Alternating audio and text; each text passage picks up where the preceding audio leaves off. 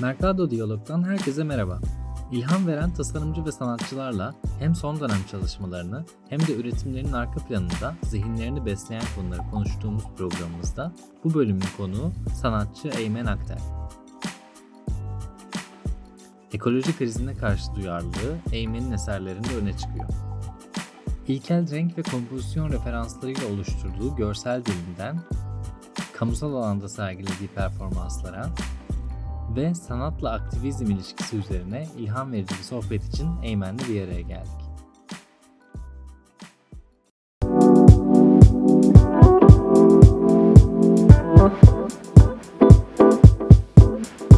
Merhaba Satoshi takipçileri. İlham veren tasarımcı ve sanatçılarla sohbet ettiğimiz Mercado Diyalog'un yeni bölümüne hoş geldiniz. Ben Yağız Genç. Bugün sanatçı Eymen Akter'le beraberiz. Hoş geldin Eymen. Hoş bulduk Yağız. Bugünkü yayınımızda aynı zamanda güzel de bir haberimiz var. Satoshi TV ekranlarından BTC Türk'ün 10. yılını kutluyoruz. 14 e, yıllık Bitcoin tarihinde 10. yılını kutlayan BTC Türk aynı zamanda ülkemizdeki de ilk alım satım platformu bu anlamdaki nice yıllara diyoruz. Eymen sen aslında çok uzun zamandır yaratıcılıkla iç içe olan, bunun farklı alanlarını deneyimlemiş bir insansın.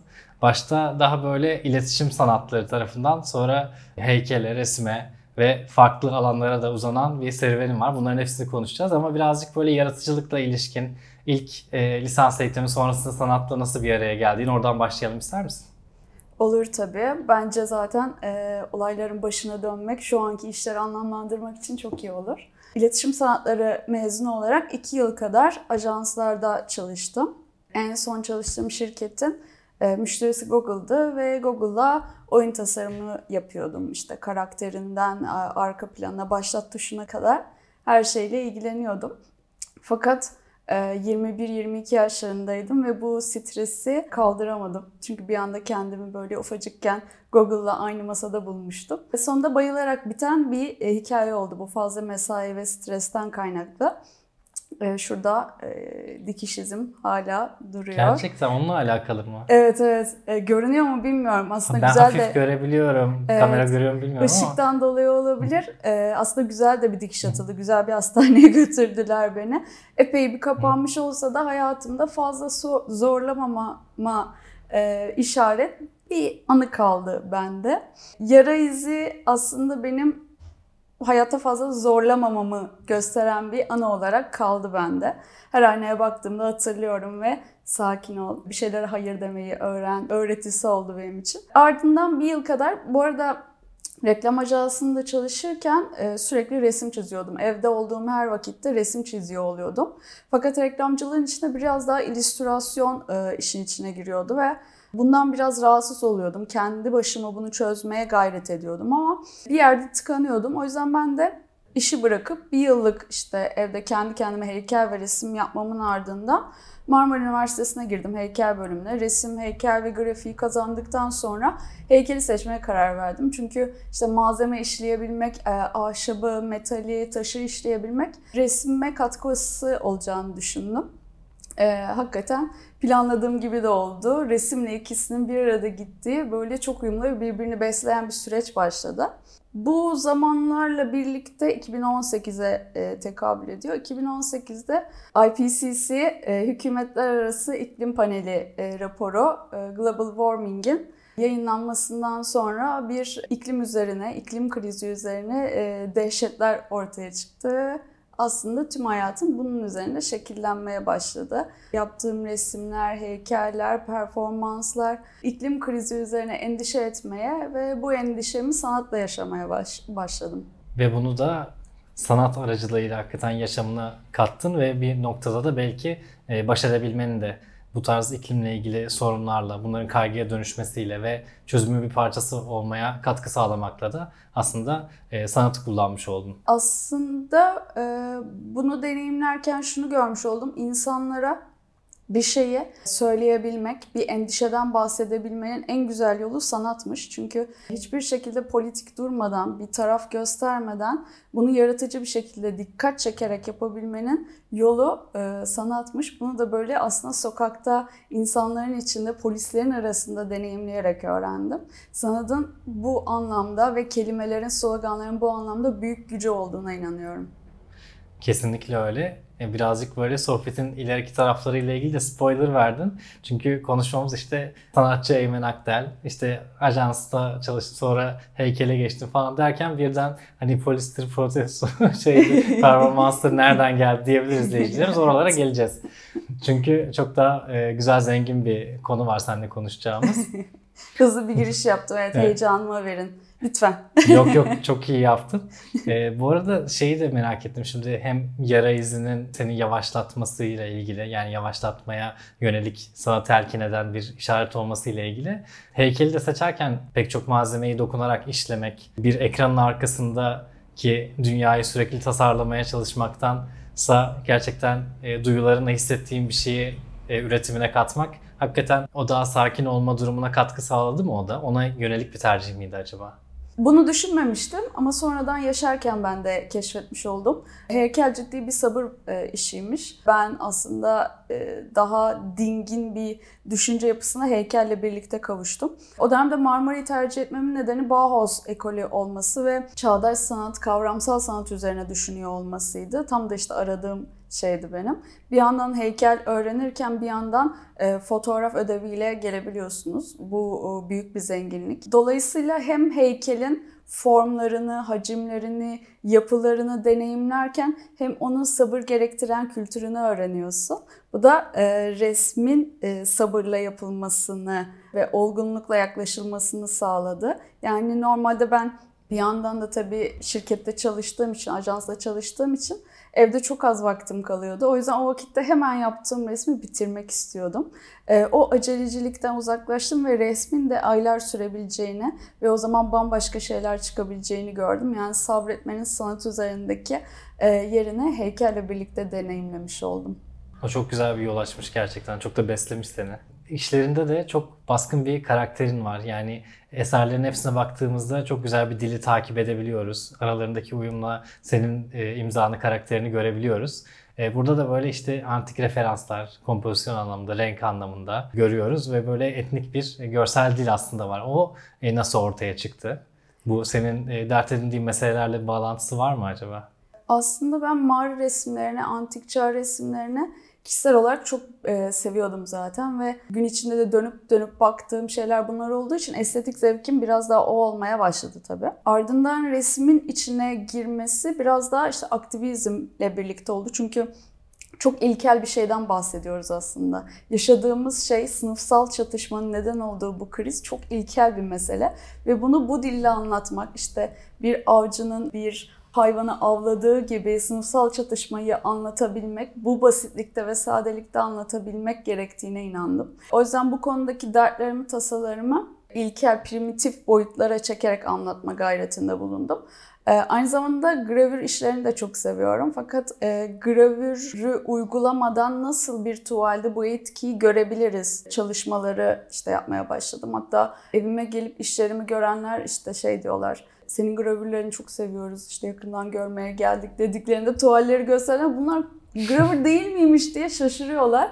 Yani aslında gravür etkisini fırçayla yakalamaya çalışıyorum. Bir yandan teknik olarak öyle bir niyetlerim var. Teknik olarak o tür araştırmalarım devam ediyor.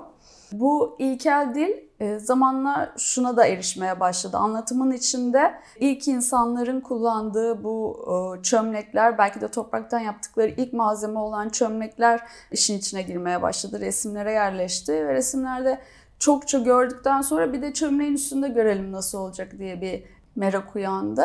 Son zamanlarda resimleri çömleğe taşıyarak aslında 360 bir şekilde bir hikaye işlemeye başladım.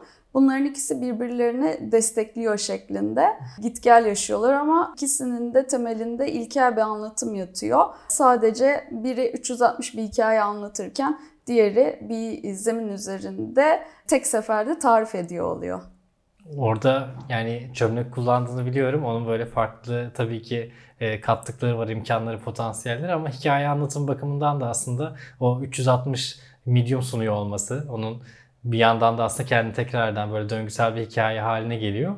E, o şekilde düşünmemiştim açıkçası. Ben de şimdi o taraftan da bu gözle tekrardan bir inceleme isteği uyandı. Bu mesele aslında resmi de etkileyen bir şey oldu. Çünkü Onun etrafında dönmen gerekiyor. Normalde duvara bakıp tek seferde tek açıda görebileceğim bir hikayeyi e, şimdi etrafında dönerek izlemen gerekiyor. Bu hem hareket alanı da yaratıyor, mekansal anlamda da yeni bir algı yaratıyor.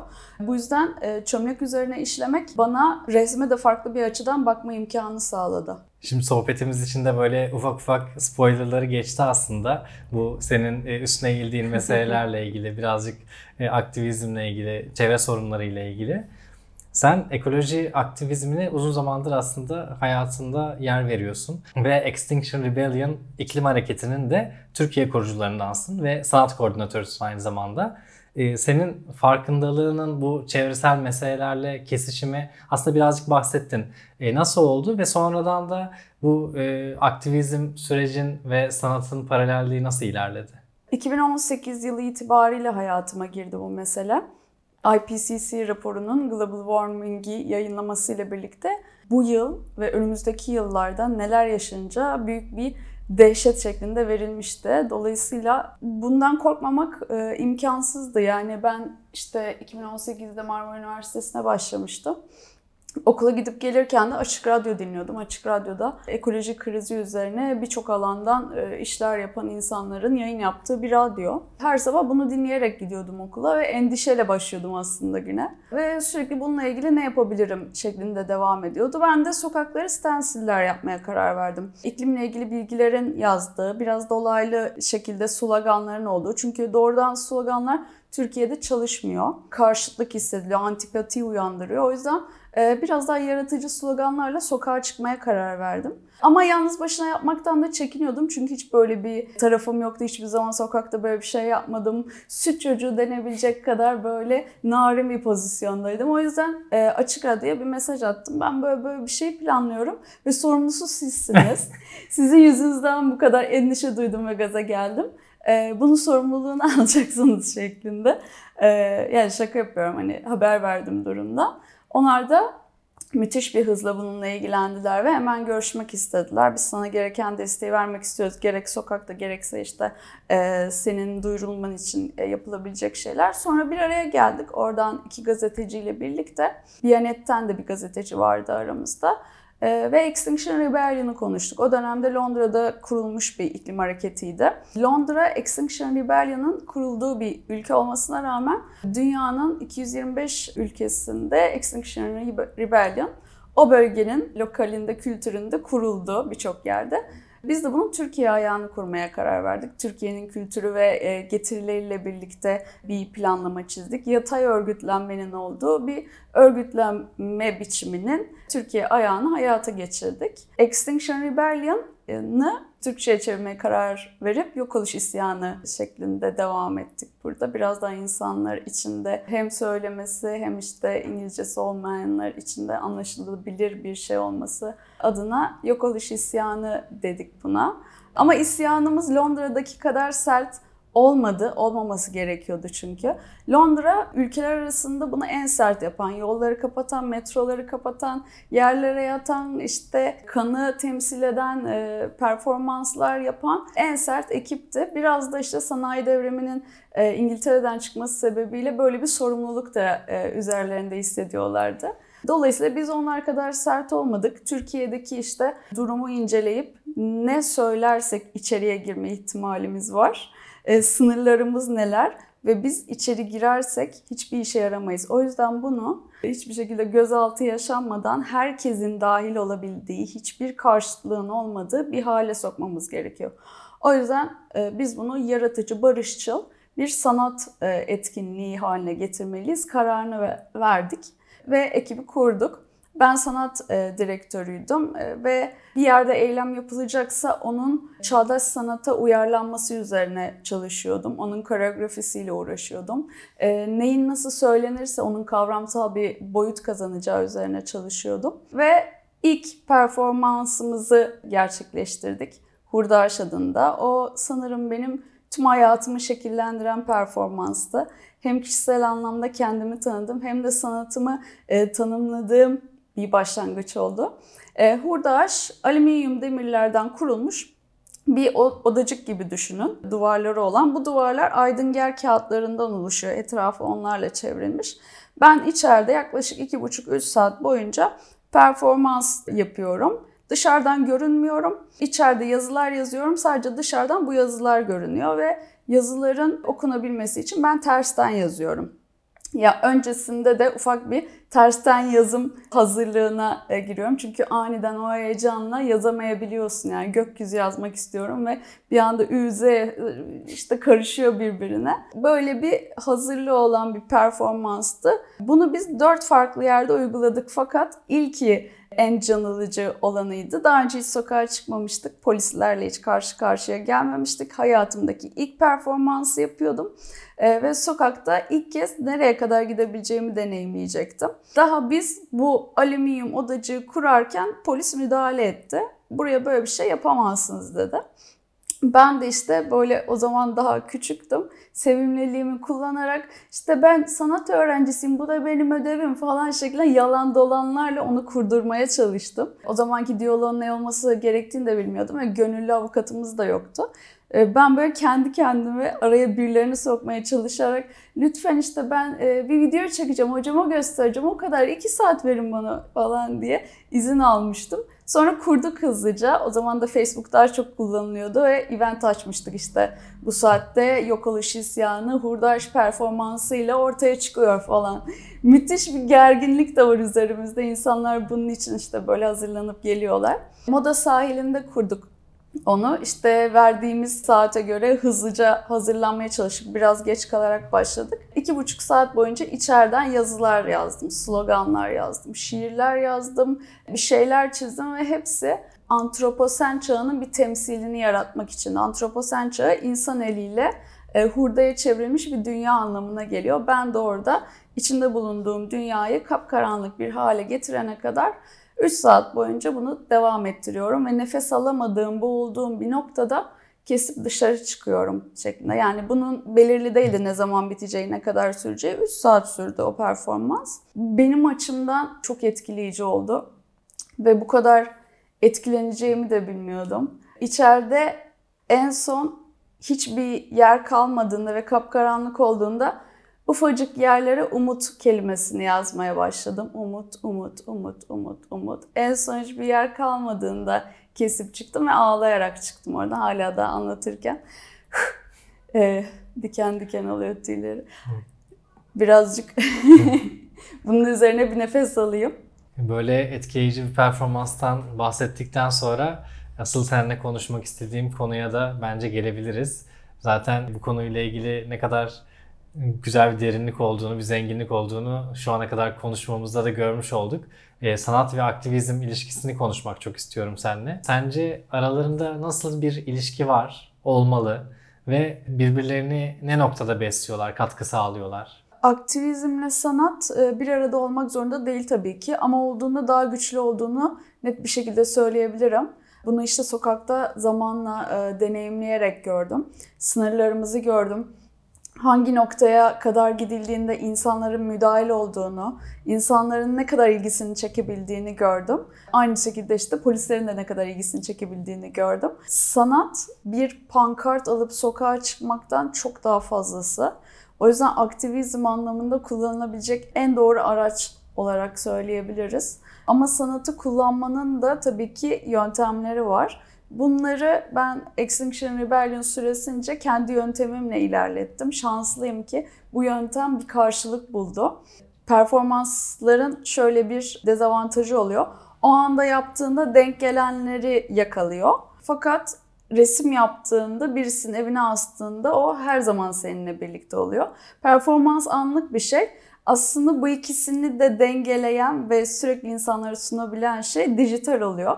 Neyse ki biz de Hurda Işın videosunu çekmiştik ve bu Berlin'e ulaşmış bir şekilde. Berlin'den e, bir davet geldi. Burada işte bir sergi olacak. Öncesinde bu performansı yapıp sonra e, işte bunları sergileyebilir miyiz diye. Performansın böyle bir etki alanı olduğunu gördük. O zaman işte e, 16. İstanbul Bienaliydi ve konuşmacı olarak davet edilmiştim. Aynı güne de o performans işte Berlin'deki performans için davet gelmişti. E, Biennale'de konuşmak daha çekici geldiği için onu ter- tercih edip orada işte performans yapamamıştım. Ama en azından Hurda Aş'ın çıktıları, o kağıtlarını Berlin'de sergilemiştik. Bu anlamda e, aktivizmi güçlendiren şeyin sanat olduğunu söyleyebilirim. Çok mantıklı. Çünkü dediğin gibi bir pankart açmanın e, o anda o alanın içinde bulunan kişilere çok direkt bir söz söyleme etkisi varken sanatın hem sonradan farklı e, kitlelere ulaşabilmesi bu e, dokümantasyonla ve ulaştığında da üstüne kafa yorulup daha bir düşünme istediğinden dolayı daha farklı değerlendirilmesi, bir kendi ortaya koyduğu değerle birlikte daha uzun süre yaşayabilmesi ve söylemek istediği sözü aslında daha geniş kitlelere söyleyebilme etkisi var. Ve bu ikisini çok güzel birleştirmişsiniz aslında. Ben bu e, şeyi bilmiyordum. Mesela Berlin'de de çıktılarının sergilendiğini bilmiyordum. Ona da çok sevindim. Kesinlikle dediğin gibi bu sloganlar bile yani kelimeler bence çok güçlü araçlar. Sloganları direkt pankarta yazmak yerine bir olacağın üstüne 3 saatte işlemek arasında müthiş bir fark var. Yani yoldan geçen bir teyzeyi bile yakalayabilen bir şey oluyor. Burada ne oluyor ya bu işte içeriden kim olduğu bilinmezken 3 saat sonra bir kız çıkıyor oradan falan ve kızım ne yapıyorsun burada diyen teyzeler oluyor. Normalde pankartla bunu yakalayamayacakken bu merakı onlarla uyandırabiliyorsun. O yüzden bunun gücünü kullanmayı çok seviyorum. Performans yapmayı çok seviyorum. Kesinlikle ve onun tadını da almışsın. Şimdi o ilk tecrübeni dinledik aslında. Ee, ilk kez kamusal alandasın, işte bir polisle karşı karşıya geliyorsun, bir diyaloğun oluyor. Farklı kesimden pek çok kişiyle diyaloğun oluyor. Evet aslında işin zor kısmı o performans e, okey kulağa çok böyle büyüleyici geliyor benim için de çok e, muhteşem bir noktada ama e, hem işin bu noktaları var insanlara açıklama ve onu oraya kurma e, tarafı ya gerçeklik tarafı var aslında. Bir de geçenlerde e, Müze Gazhane'de bir performans yaptım. Gazhane'de içlerine doğru giren olduysa görmüştür. Çukurlar var yerde ve tarihi eser olarak geçiyor. Normalde kimsenin giremediği ve içinde bir şey yapamadığı bir yer orası. İki yıl önce oraya gittiğimde işte gezmeye ne var burada ne yok falan. Daha o zamanlar tiyatro salonları falan da açılmamıştı. Burada ne var ne yok diye bakarken çukurları gördüm ve içimden bu çukurda performans yapmalıyım dedim ve hemen onlara bir teklifte bulundum. Böyle böyle bir şey düşünüyorum. Bu çukurlardan eskiden kömür dumanları geçip şehri e, zehirlemiş fakat artık kurtarılmış bir yer ve oradan sanat çıksın istiyorum. Orada bir enstelasyon yapmak istiyorum dedim. Tarihi eser olduğu için beni içeri sokmadılar. Ben iki yıl boyunca gittim, izin almaya çalıştım, olmadı bilmem derken en sonunda birisinin aracı olmasıyla birlikte klasik ben orada izin aldım. Bu arada yani hani kötü bir şey de yapmıyorum. Burasının artık kurtarılmış bir alan olduğunu bir sanat eseriyle belgelemek istiyorum. Orada bu bulunsun ve insanlar açıklasın istiyorum. Bunun için izin almaya böyle gayret ediyorum. Hiçbir kazancım yok hatta cebimden yiyerek yaptığım bir şey bu. Güç bela 2 yıl sonunda ben izin alabildim ve içine girip 7 gün boyunca performans yaptım. Her gün aynı saatte başlayıp aynı saatte biten ve içinden bir e, duman formunun çıktığı enstelasyon oluşturdum. Şimdi mesela bunu yaparken tam çok güzel duyuluyor. 7 gün boyunca işte işçi tulumlarımla gidiyorum orada içine giriyorum. Yan keskilerim, kü- kümes telleri işte o, zımbalıyorum bilmem ne. Fakat onun başında şöyle bir şey oluyor. Gidiyorum işte belediye binasında e, yan keskime, aletimi falan bırakıyorum ki bir sonraki gün geldiğimde doğru yerde bulabileyim. Geliyorum ve sadece bir kişi de odanın anahtarı var ve o kişi o gün izin alacağı tutmuş falan. Ben işçi tulumlarımla performans yapmak için bekliyor oluyorum falan. İşte planladığım saatte başlayamamış oluyorum gibi performansın gerçek tarafı var. Pek de büyülü olmayan.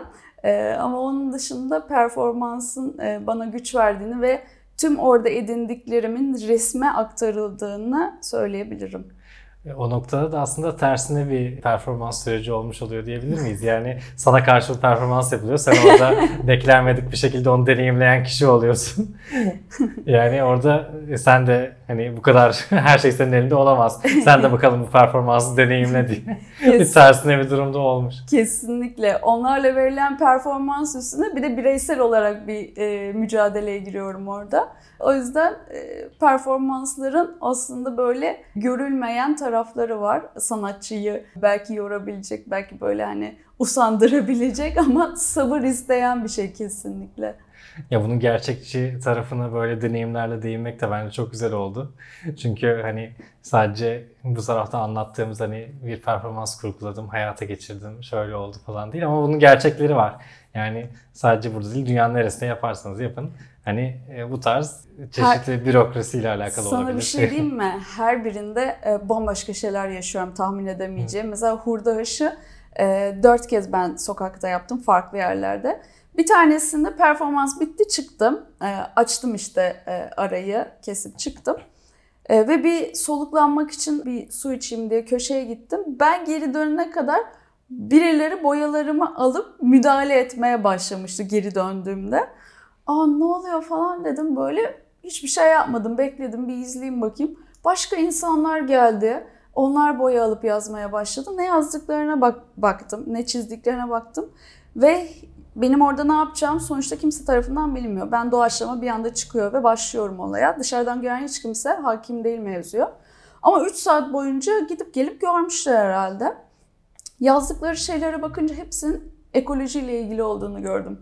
Ya biz konuşmadan bir iletişim kurmuşuz. Benim arkamdan gelip onlar onu sürdürüyordu. Ve sonra Hurdar enteresan bir şekilde yani bu tesadüfi gelişen bir olayla insanların içine girdiği ve hiç tanımadığım bireylerle karşılıklı sohbet ediyormuş gibi bir yüzeyin üstüne yazı yazarken buldum kendimi. Ya böyle müthiş e, şeyler de yaşanabiliyor, beklenmedik olaylar da yaşanabiliyor. Burada ben mesela şey keşfetmiştim. Bir performansa insanlar hangi noktada dahil olurlar, hangi noktada itilirler gibi bir deneyim de yaşatmıştı bana. E, çok iyiymiş o yani hani sürpriz olarak çıkan bir şeyin böyle güzel bir tecrübeye dönüşmesi de çok değerli. Şimdi performanslardan, aktivizmden, bu e, çevreyle ilgili hareketlerden, düşüncelerinizden çok e, konuştuk ama sen sanatçı olarak da buraya oturdun. Son olarak şu an neler yapıyorsun? Bize aktarmak istediğin böyle şu an ilgi alanların nelerle haşır neşirsin merak ediyoruz. Son zamanlarda aktivizmi yüzeyler üzerinde aslında yaşamaya ve yaşatmaya çalışıyorum. Tabii ki aktivizm e, sanat üzerine tüm yorumlarımın başlangıcı olduğu için onu çok heyecanla ve her seferinde aynı böyle sevinçle, motivasyonla yaşadığım için onu böyle dayanamıyor ve uzun uzun konuşuyor oldum. Biraz konuşmanın tamamı onunla geçmiş gibi oldu ama esasen son zamanlarda ben e, daha çok 3 boyut ve 2 boyut yüzeyler üzerine resim e, yaparak geçiriyorum vaktimi. E, bu resimlerin içeriği elbette ekoloji krizi üzerine oluyor. E, bir hikaye anlatıcısıyım aslında. Bir yüzeyin üzerinde o yüzey 360 bir yüzey de olabilir, iki boyutlu da olabilir. Bir hikaye işlemek ve o hikaye genel anlamda sınıf çatışmalarını ve hiyerarşiyi oluşturuyor. Çünkü günümüzde yaşadığımız ekolojik krizin tüm adresi burayı gösteriyor. Farklı kompozisyonlarda ve renk paletlerinde e, bu konuyu işliyor oluyorum. Ama renk paletim aslında son zamanlarda çok değişmiyor. Toprak tonları ve e, deniz mavisini birleştirdiğim bir kontrastım var. Onlar üzerinde bu aralar çok dönüyorum ve heyecanlanıyorum. Gravür etkisini yakalamaya çalıştığım e, böyle toprak ve ilk insanın hissedildiği ilkel bir dil yakalamak için hala da araştırmalara devam ediyorum. En son bu sanatla ilgili e, çalışmalarına tekrardan değindiğimiz çok iyi oldu. Zaten bizi izleyenler de e, seni Instagram'dan takip ederek aslında çalışmalarının devamını, e, güncel yaklaşımlarını da görebilirler, takip edebilirler. Bence oldukça da ilgilerini çekecektir diyorum. Ve çok teşekkür ediyorum geldiğin için. Çok güzel bir sohbet oldu. Yani gerçekten bu kanalda değindiğimiz gerçekten farklı bir konu oldu. O bakımdan da çok değerliydi. Çok teşekkür ederim. Az önce de size söyledim kayıtta değilken bir sanatçının Instagram'dan storyleri hayatını anlamak için yeterli olmuyor. O yüzden böyle şeyleri çok kıymetli buluyorum. Elinize sağlık ve davetiniz için ben de çok teşekkür ederim.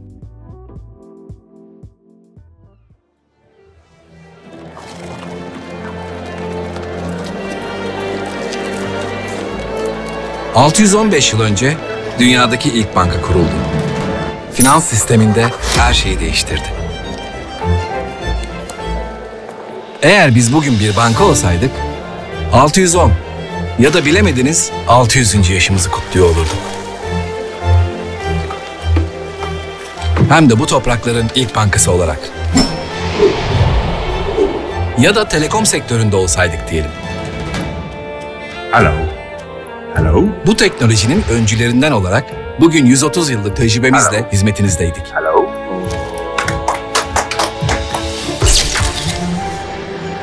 Peki havacılık dünyasında olsaydık?